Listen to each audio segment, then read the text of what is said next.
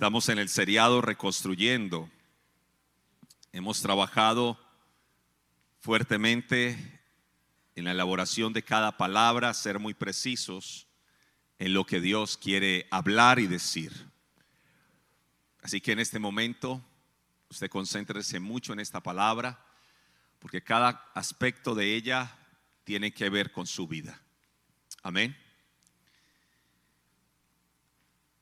El, título de esta predicación se llama Las dos actas. Las dos actas. Lo primero que tengo que decirles es que estamos en un mundo donde constantemente hay cambios y cambios sustanciales y vertiginosos.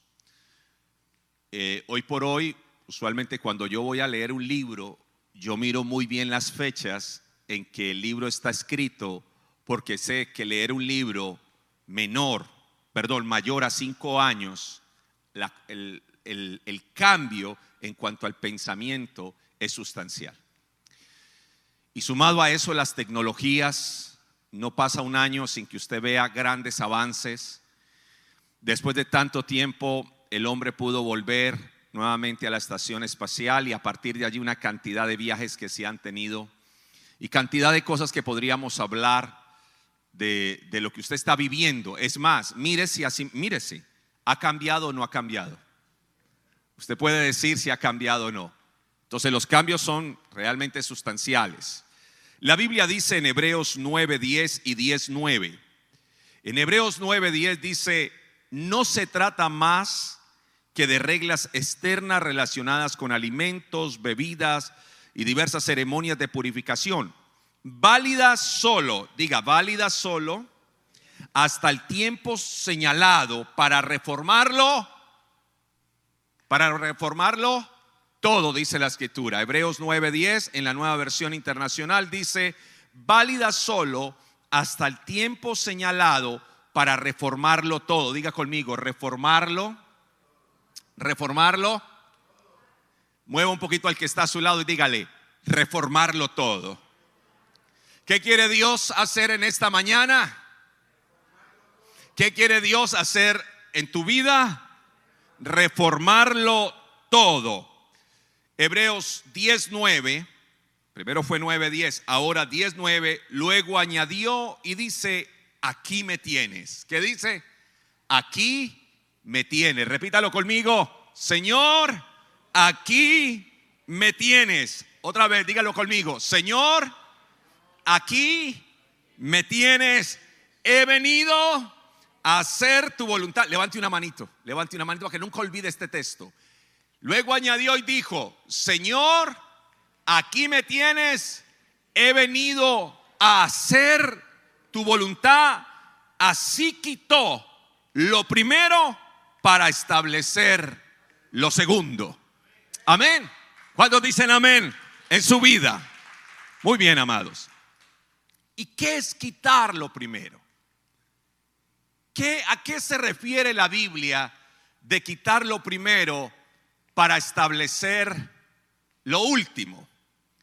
Hay una primera acta en Colosenses 2, del 14 al 15.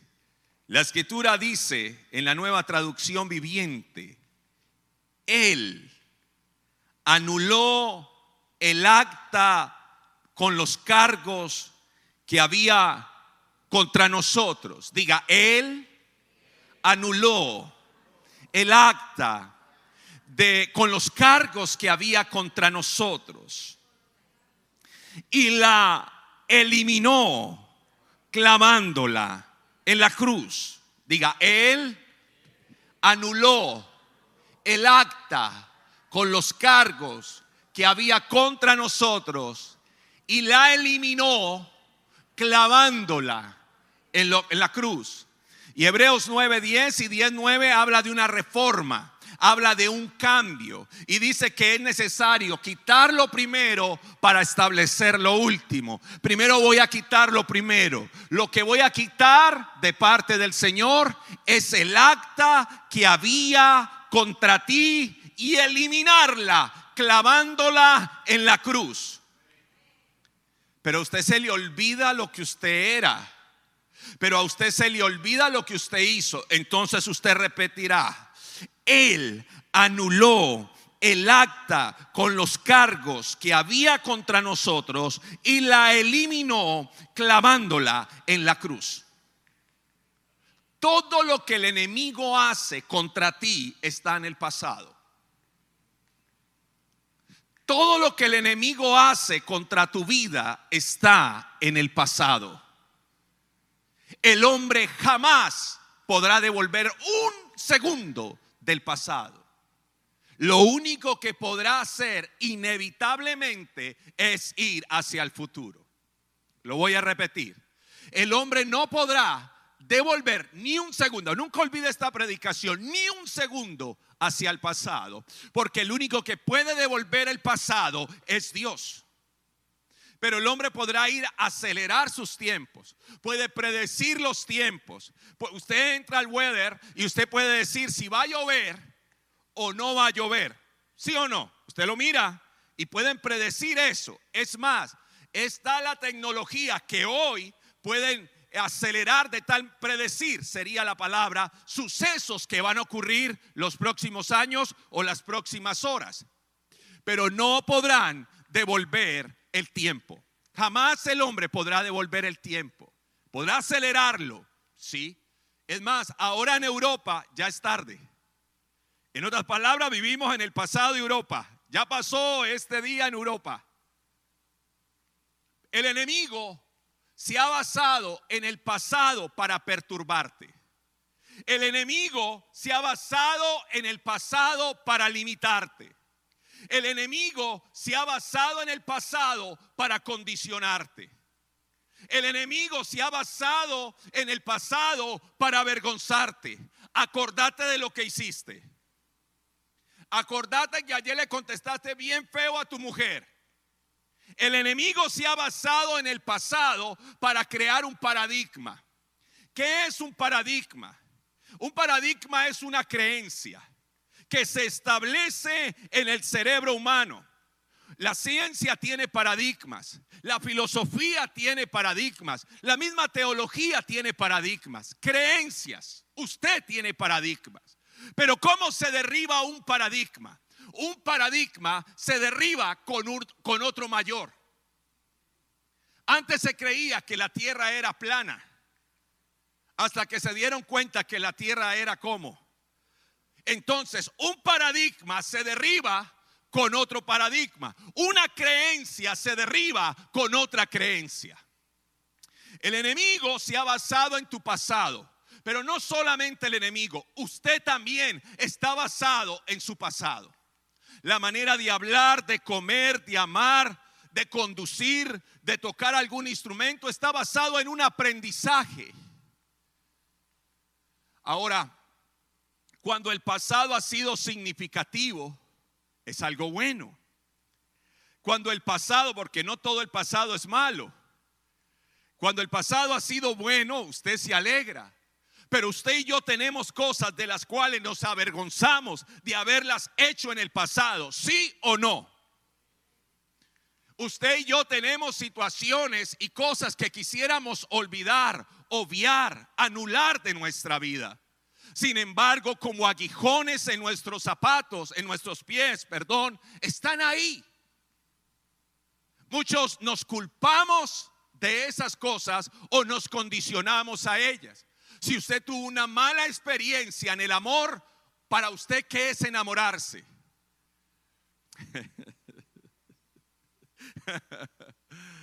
si usted tuvo una mala experiencia en los business, en sus negocios, posiblemente usted quiera hacer otra cosa menos negocios.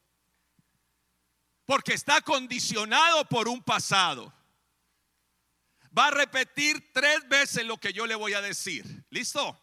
El pasado no existe. Vamos, dígalo. El pasado no existe. Dos, el pasado no existe. Tres, el pasado no existe. ¿Qué existe? El recuerdo. Y con esos recuerdos, usted forma con esos recuerdos, ya le enseñé esto, con esos recuerdos y emociones que crea, crea no, no, sentimientos. y cuando mantiene un sentimiento ahí, se le vuelve un resentimiento. Por eso es necesario, viene el Señor y dice, Él, diga Él, Colosenses 2.14, por favor, hijo. Él anuló el acta. Anuló el acta de los cargos que había contra nosotros. Diga, anuló quitar vigencia, quitar autoridad, quitar señorío. Cada vez que usted se acuerde de su pasado, o que su suegra le acuerde su pasado, o que su marido le acuerde su pasado, o que su mujer le acuerde su pasado, o que el mismo diablo le acuerde su pasado, recuerda, él anuló el acta con los cargos que había contra mí. Diga esa palabra me gusta. Y la eliminó clavándola en la cruz. Tu pasado quedó sin vigencia. Tu pasado lo puedes lo puedes eliminar y a partir de tu presente creo que en inglés es la palabra present, hablando de como como un regalo. Si es así, gracias, papá dando a entender que lo, el regalo de la vida se llama presente. No le intente quitar nada a su pasado, déjalo así. Que eso es lo interesante de la vida. Porque aún las caídas te enseñaron. Aprendí en estos días de un video que me mostró mi esposa que las jirafas cuando paren van a dar a luz, se ponen de pie y se abren. Y la jirafa pequeña cae de una altura de tres metros. Y cuando cae, lo primero que la madre hace es meterle un patadón. Y si no se para en la primera, le mete la segunda. Y con dos patadones se para y vuelve y le mete otro patadón y la tumba. Y cuando está en el piso le mete otro y, la, y se para. Pero se para más rápido de lo que se cayó. Y ahí aprende a levantarse. La Biblia dice, si siete veces cae el justo, de todas ellas, le, levantará el Señor. Caíste. Revuelca al que está a tu lado y dile, levántate. Y si volviste a caer, ¿qué vas a hacer? ¿Y qué va? Usted no ha visto una mujer que camina fino. Véala caer, tran, y aquí se para. Por allá va después y se, se para de una. De la jirafa aprendemos. Aprenda a levantarse. Aprenda que las caídas son parte de la vida, pero también el levantarse. Mira al que está a tu lado y dile, levántate. Terminó la prédica. ¿No dice así el pastor cuando termina? Por favor, colóquese sobre sus pies. Dando a entender que debes de levantarte después de una palabra recibida. La primera acta fue anulada, fue cancelada fue eliminada, fue pagada. No niego nada de mi pasado, pero fue cancelado y eliminado. Estoy en una, me estoy reconstruyendo. De repente usted se estira y le suenan todos los huesos. Y entonces su esposa lo mira y le dice, amor, y usted le dice, estoy crujiendo, perdón, estoy reconstruyendo. La reconstrucción es parte de nuestra vida. Intentamos en el presente resolver asuntos del pasado. La reconstrucción es parte de nuestro día a día. Amados, hablemos del matrimonio un poco. Solemos reconstruirlo, ¿verdad? Hay cosas en las cuales uno dice, Señor, o te lo llevas o te lo mando. Señor, lo, lo iluminas o lo eliminas. Y esas son las suaves que dicen. Porque las suaves se ríen. Si empiezo a subir de tono, se van a quedar callados. Primera acta, diga conmigo, primera acta, cancelada, eliminada, clavada en la cruz. Ahora la pregunta es, ¿por qué Colosenses 2.14 dice clavada en la cruz si utiliza primero el término eliminado? Y aquí hay un principio que podría reformar el concepto que tenemos del pasado. Porque una de las cosas que hace la persona en razón al pasado es no querer recordarlo. Y la gente dice que hay que olvidar el pasado. Pero cuando trabajé para el Centro de Memoria Histórica en Colombia, de una guerra de más de 60 años, me tocó dar un módulo que se llama Perdón y Memoria. Así que a un lado tenía las FARC, un grupo subversivo para ese momento en Colombia, hoy es un grupo político. Tenía las víctimas, las personas que habían sufrido eh, como víctimas del conflicto armado en Colombia. Y tenía los grupos paramilitares, otro grupo al margen de la ley también. Y los tenía en una sala hablando de perdón y memoria. Y el primer punto era, no puedes olvidar tu pasado. Contrario a lo que se ha creído que uno debería de olvidar el pasado, lo que le enseñamos a estas personas es que no olvidara el pasado para que no lo repitiera. Pero lo que sí necesitábamos era darle otro sentido al presente. Y eso se llama resignificación. ¿Cómo se llama? resignificación. Resignificar es darle otro valor a lo que te pasó. Resignificar es mirar de otra manera las cosas que sucedieron. Y les conté la historia de un niño que aquí en Florida un cocodrilo se le comió las piernas y cuando vino, eso está en un libro de, uno de los CEO de Walt Disney.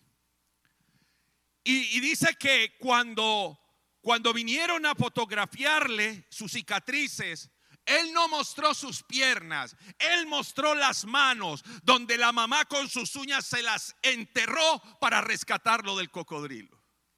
Él dijo, ¿por qué quiere ver las heridas de mis, del, del desprendimiento de mis extremidades y no quiere ver de dónde me agarró mi madre? Se llama resignificar. No le dé vergüenza de su pasado, resignifíquelo. Dele otro valor. La Biblia dice, si entresaca lo precioso de lo vil, será como mi boca. Si aprendes a sacar lo bueno de eso malo que te ha sucedido, vas a ser excelente. Si aprendes a sacar lo malo de, de, lo bueno, perdón, de esa circunstancia negativa, entonces habrás visto el poder de Dios transformador. No me avergüenzo de mis heridas. Toque al que está a su lado y dígale, no te avergüences de tus heridas. Y esa de acá que, cuéntela. Y esa que tiene por acá, cuéntela, tranquilo. Y esas rodillas que ya no son rodillas, sino, cuéntelo, que de niño se mantenía en el piso. No le dé vergüenza a su cesárea. No le dé vergüenza a sus estrías. ay, ay, ay. Ah, mira cómo se quedan de calladas. Porque de ahí parió, dio a luz la generación del Señor. Por eso la Biblia dice, bendito el Dios de Abraham, de Isaac, de Jacob. Bendito el Dios generacional. No le dé pena sus arrugas. Si nos vamos arrugando, que sea de felices, que se nos note las marcas de las gallinas y los gallos también.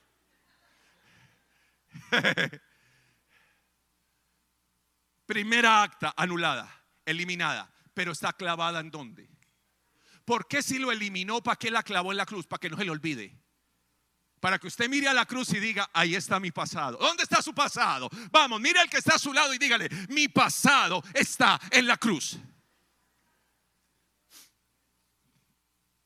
Otra vez, mi pasado está en la cruz.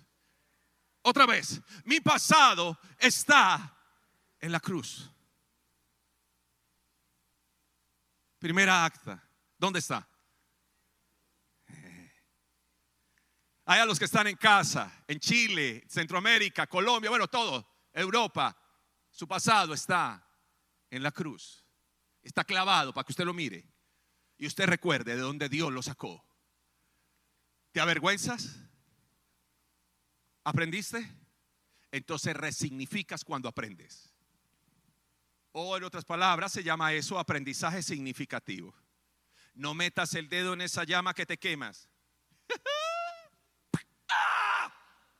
¿Aprendió? Estoy sentado ayer en una mesa y veo la maldad de una niña cómo va a agarrar un perro y le va a pegar. La hermana que está a mi lado dice, oh, si le pega así, lo la va a morder. La mordió. Gracias a Dios fue una reacción y no, no quería lastimarla, sino la rompe. Salió corriendo la niña llorando.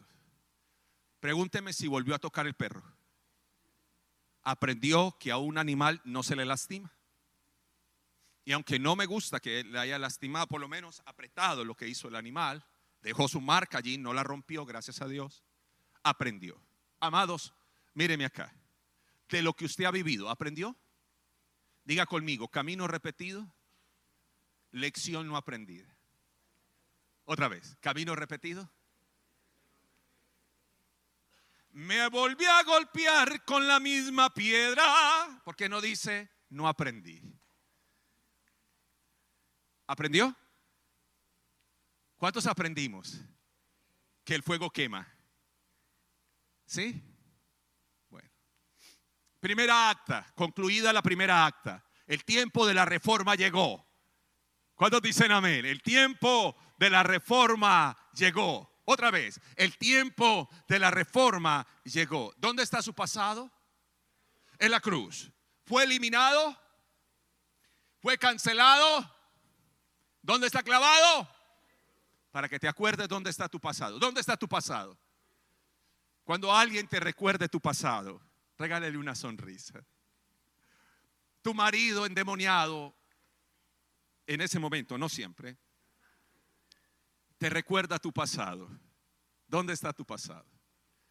Tu, esposa con cólicos endemoniada te recuerda el pasado. ¿Dónde está el pasado? Usted endemoniado ese día le quiere recordar el pasado y la madre a alguien. ¿Dónde está eso clavado? Y eso fue cancelado y eso fue eliminado. ¿Está claro? Eso quiero que esté muy claro para, para colocar la segunda acta. Primera acta, ¿dónde está? ¿Qué fue? Cancelada y eliminada. ¿Puedo usar el pasado de alguien para avergonzarlo? Diga, no. ¿Puedo usar el pasado de alguien para manipularlo?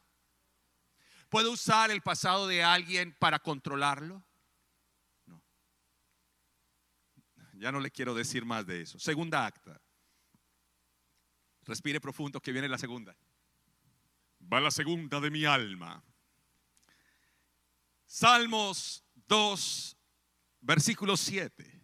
Segunda acta. Yo publicaré el decreto. Segunda acta.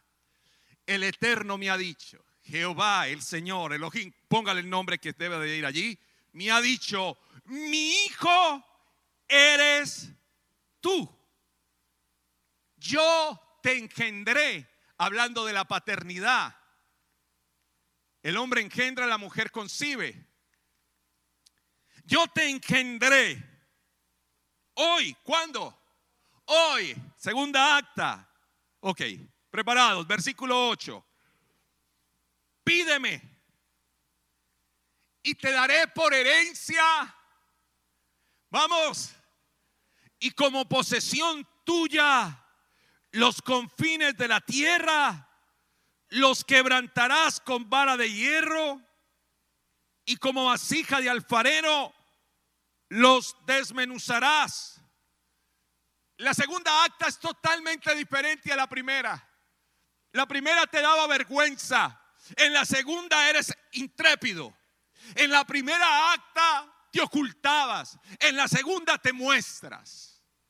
En la primera acta vivías en oscuridad. En la segunda te expones a la luz. En la, en la primera acta vivías en incertidumbre e hipocresía. En la segunda acta vives en verdad. Y Dios dice, tú eres mi hijo. ¿Cuántos hijos de Dios hay aquí? ¿Cuántos hijos de Dios con Usted es un hijo de Dios. ¿Por qué? Porque hay una segunda acta que lo dice. Hay una diferencia entre ser criatura de Dios a ser hijo de Dios. Juan 1, 12 dice, mas a todos los que recibieron, los que creen, Dios les dio la potestad de ser hijos. De ser hijos. ¿Cuántos hijos hay? Ok. Como hijo te dice, pídeme. ¿Qué dice? Pídeme.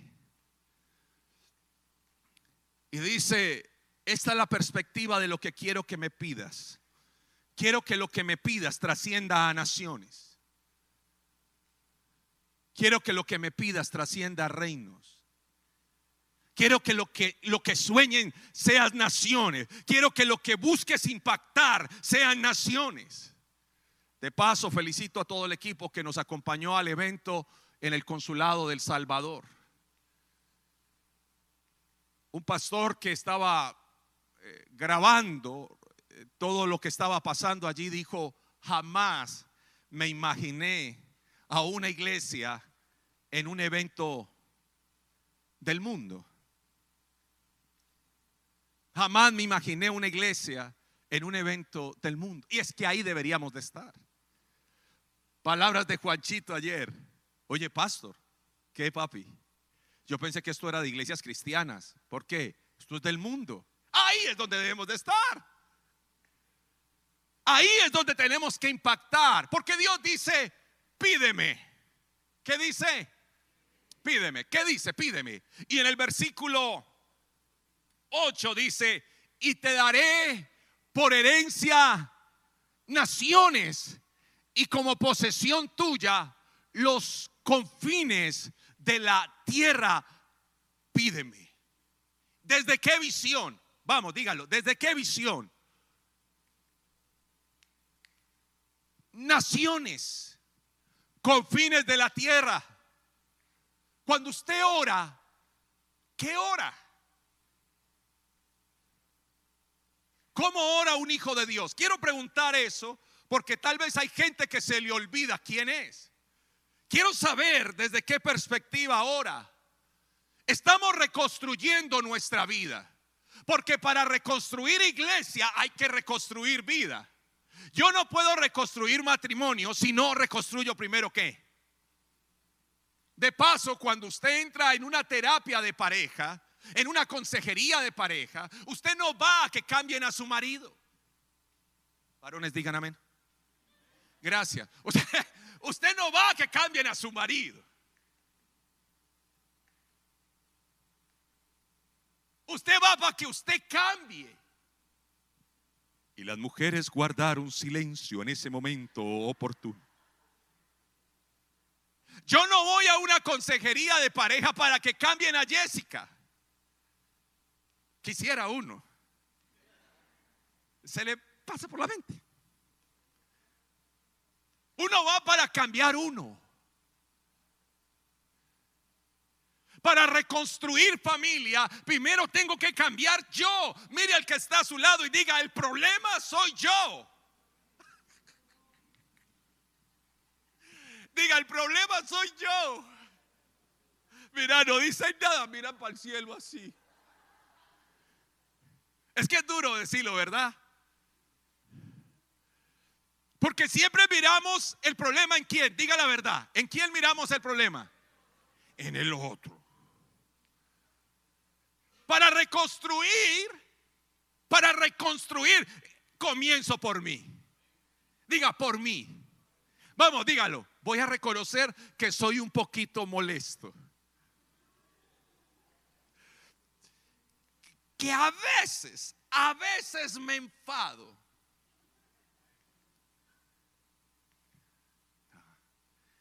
Diga, Señor, ilumíname. O. No, no.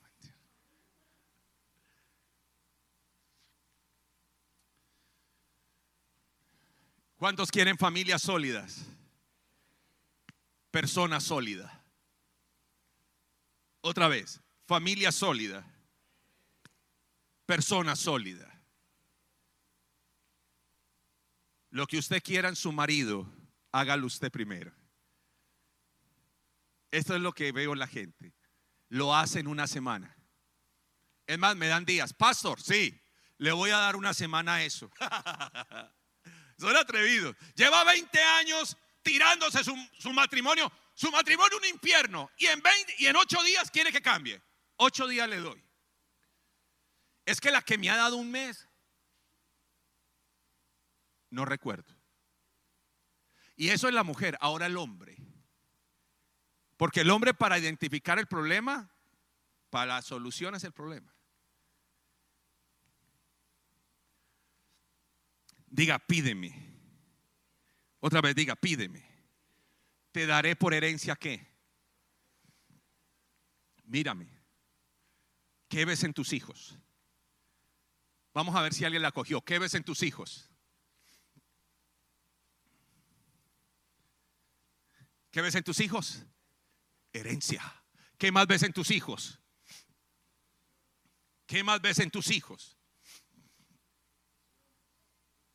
Veo naciones, veo herencia, veo posesión. Entonces usted cuando ora, no ora por usted, ora por su generación. Todo lo que usted haga hoy impacta positiva o negativamente su generación. ¿Cómo orar? Padre, que esta decisión que estoy tomando en esta reconstrucción de mi familia impacte a mis hijos. No lo haga por usted, hágalo por sus hijos. Hágalo por sus nietos. Nosotros ya vamos de salida, rumbo a la eternidad. Ya, ya somos eternos según la Biblia. Solo es cambiar este estuche ya. Pero hay una generación que se levanta. Hágame un favor, dele una, una mejor generación a este mundo, la necesita. ¿Cuándo se la va a dar? Como trate a su esposa, como trate a su esposo, como trate a sus hijos. Pídame. ¿Qué le va a dar Dios? Por herencia, naciones y como posesión tuya, los confines de la tierra. Eso se llama reconstrucción. Eso se llama hacer las cosas diferentes. ¿Cuántos hijos de Dios hay aquí? ¿Cuántos levantan un decreto diferente que ya no está precedido por un pasado, sino por una verdad de Dios para tu vida? Por algo que el Señor está diciendo. Ya deje su mente, o sea, todo lo que era el pasado fue un aprendizaje. Todo lo que fue el pasado fue algo que tenía que vivirse. Pero lo que me importa, diga conmigo, para que no lo olvide, abra su mano así, por favor. Diga, presente. Buenos días. Presente. Buenas tardes. ¿Cómo está? Presente. Hay una profecía sobre esta casa. Tómela por favor. Isaías 61, 4. Termina la predicación. ¿Cuántos reconstruyen familias? Reconstruirán las ruinas antiguas. Isaías 61, 4. Isaías 61, 4. Lo voy a leer mientras lo colocamos. Reconstruirán las ruinas antiguas, reparando ciudades destruidas hace mucho tiempo. Las resucitarán, aunque hayan estado desiertas por muchas generaciones. Lo voy a repetir, Isaías 61, 4. Reconstruirán las ruinas antiguas, reparando ciudades destruidas hace mucho tiempo, las resucitarán, aunque hayan estado desiertas por muchas generaciones. Míreme por favor. La tenemos ahí. Déjala ahí un momento, hijo. Entrégueme su pasado, tal como es. No me le quite nada. Yo le entrego una nueva acta para que haga eso. Para que reconstruya las ruinas antiguas, para que reparen ciudades destruidas hace mucho tiempo. Y dice la palabra, la resucitarán, aunque hayan estado desiertas por muchas generaciones. Pastor, ¿qué voy a resucitar hoy? Tu hogar. ¿Qué voy a resucitar hoy? Tus sueños. ¿Qué voy a resucitar hoy? Tus hijos. Aunque hayan estado desiertos, aunque tu familia haya estado destruida, la reconstruirán, la resucitarán en el nombre de Jesús.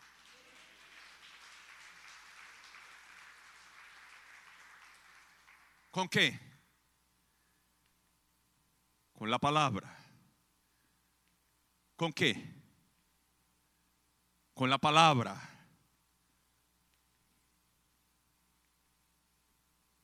Diga conmigo, mi límite no será el pasado. Mi límite será el futuro.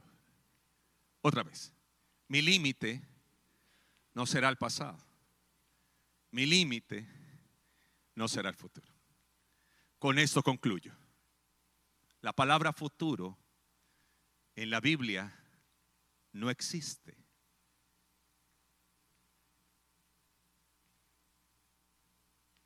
Lo invito a chick fil o chicken filet. chick fil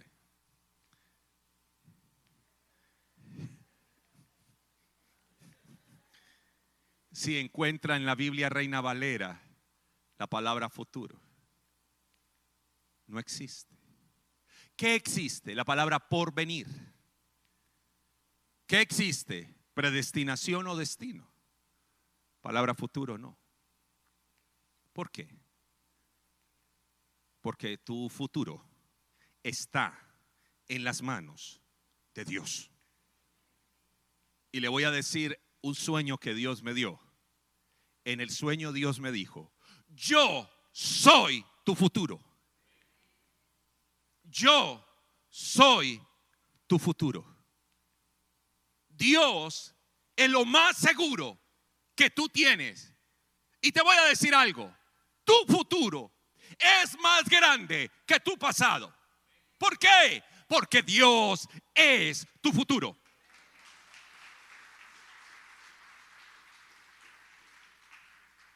Levántate.